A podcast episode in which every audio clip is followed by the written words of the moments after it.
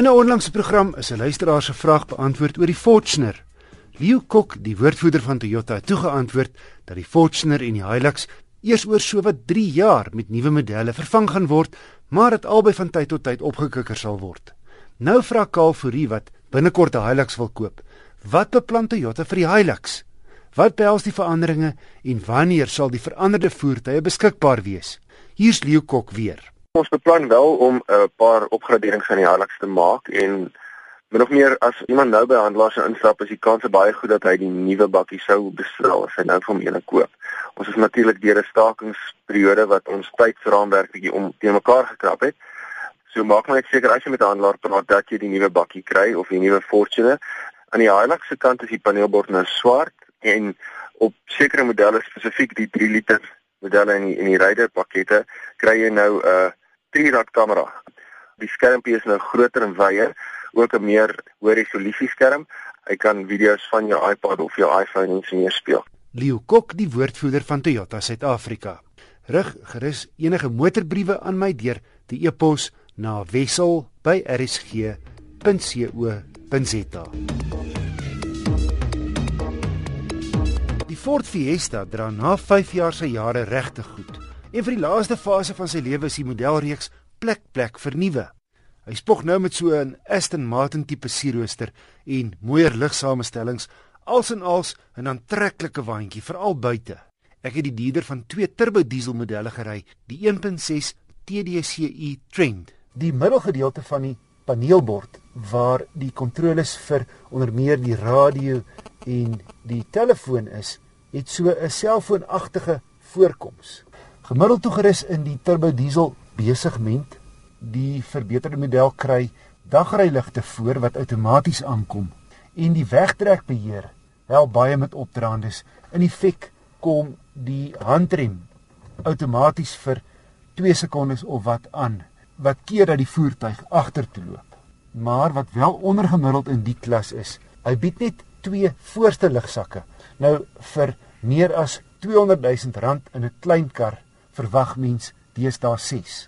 Die sentrale rekenaarskerm is egter heelwat kleiner as wat die Franse kar deesdae bied en dis nie die aanraak tipe nie. Voorlangs heelwat spasie, maar agter pas 'n lang ou soos ek nie heeltemal lekker in in die sit agter myself nie. My kop raak die dak. Dis die prys wat jy betaal vir die sportiewe voorkoms van die Fiesta. Sy daklyn loop effe af na agter. Bagasieruimte egter nie sleg nie. Hier is 'n volgrootte spaarwiel heel onderin, maar slegs van staal. Hy toer hoog vir 'n diesel tot 5000 revolusies per minuut. Maar behalwe vir 'n vinnige verbysteek aksie is dit nie nodig nie, want jy het reeds maksimum krag by 3800 toere. Opvallend vir 'n klein karretjie is die min windgeruis. Al die ratte is redelik hoog omdat hy soveel lekker wrinkrag het van 200 Nm wat geleidelik infaseer word. So 'n vyfde is 'n rustige toerrad. Die revolusies rondom 2600 teen 120 km/h wat net weer bewys dat jy nie 'n sesde rad nodig het indien die radverhouding slim gekies is en die masjien al van lae toere sterk wrinkrag lewer. Daai stewige 200 Nm is al van 1750 toere beskikbaar. Ek het 'n algehele verbruik van 5,2 liter per 100 km gemeet, gemiddeld vir die tipe ryding, maar ver van Ford se beweerde 3,6. 'n Sterkpunt is sy ritgehalte.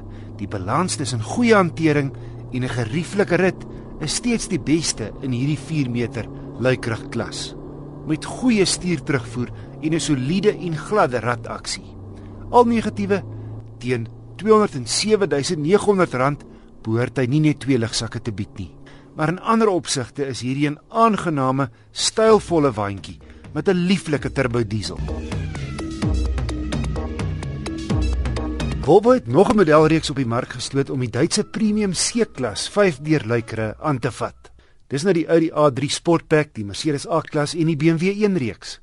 Die V40 Cross Country staan 'n bietjie hoër as die gewone V40 en hy kom met sportnuts bykomstighede soos 'n dakkrak en beskermende panele in die bakwerk en onder die kar. Dit gee die reeds aantreklike V40 ook 'n meer robuuste voorkoms in cross country gewaad. Die goedkoopste turbo dieselmodel is die D3 XL outomaties. Die 5-silinder 2 liter skop 110 kW en 350 Nm uit. Danksy 350 Nm vanaf net 1500 toere trek hy lekker sterk deur die ratte sonder dat jy jou voet hoef te plant. Wel 'n bietjie turbo traagheid met die 6-spoed outomaties en 'n mooi dieselgrom van die 5-silinder. Op ongelyke oppervlaktes het ek egter 'n effens beter rit verwag. Hy's nogal stamperig. Dalk het dit te doen met die lae profiel bande. Ek dink 'n 50 profiel is net te min rubber vir so 'n tipe voertuig. Net voorwielaandrywing 4x4 kry jy net in die top 2.5 turbo petrolmasjien teen aanderkant 400 000 bokke.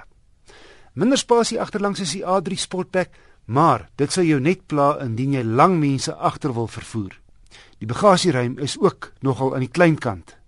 Die binneruim is 'n aangename plek om in te wees. Heelwat bekende Volvo ontwerpe soos die teruglê middelkonsole, 'n lieflike fris stuurwiel en dan 'n paar elektroniese nuwighede soos 'n radkierie wat boop vir jou 'n verligte aanduiding gee in watter rad jy is. Teen net oor die 360 000 rand is die Excel model goed toegerus met die meeste luksus. Tipies Volvo word daar nie afgeskeep met veiligheid nie, sewelig-sakke en city safety wat outomaties die kar rem indien die bestuurder nie betyds reageer wanneer die voertuig voor jou skielik stop. En die aksie vind plaas op tot 50 km/h.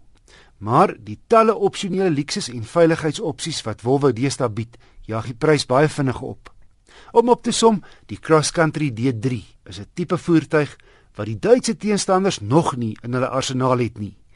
Teen R361 000, 'n baie aantreklike V40 met stapskoene.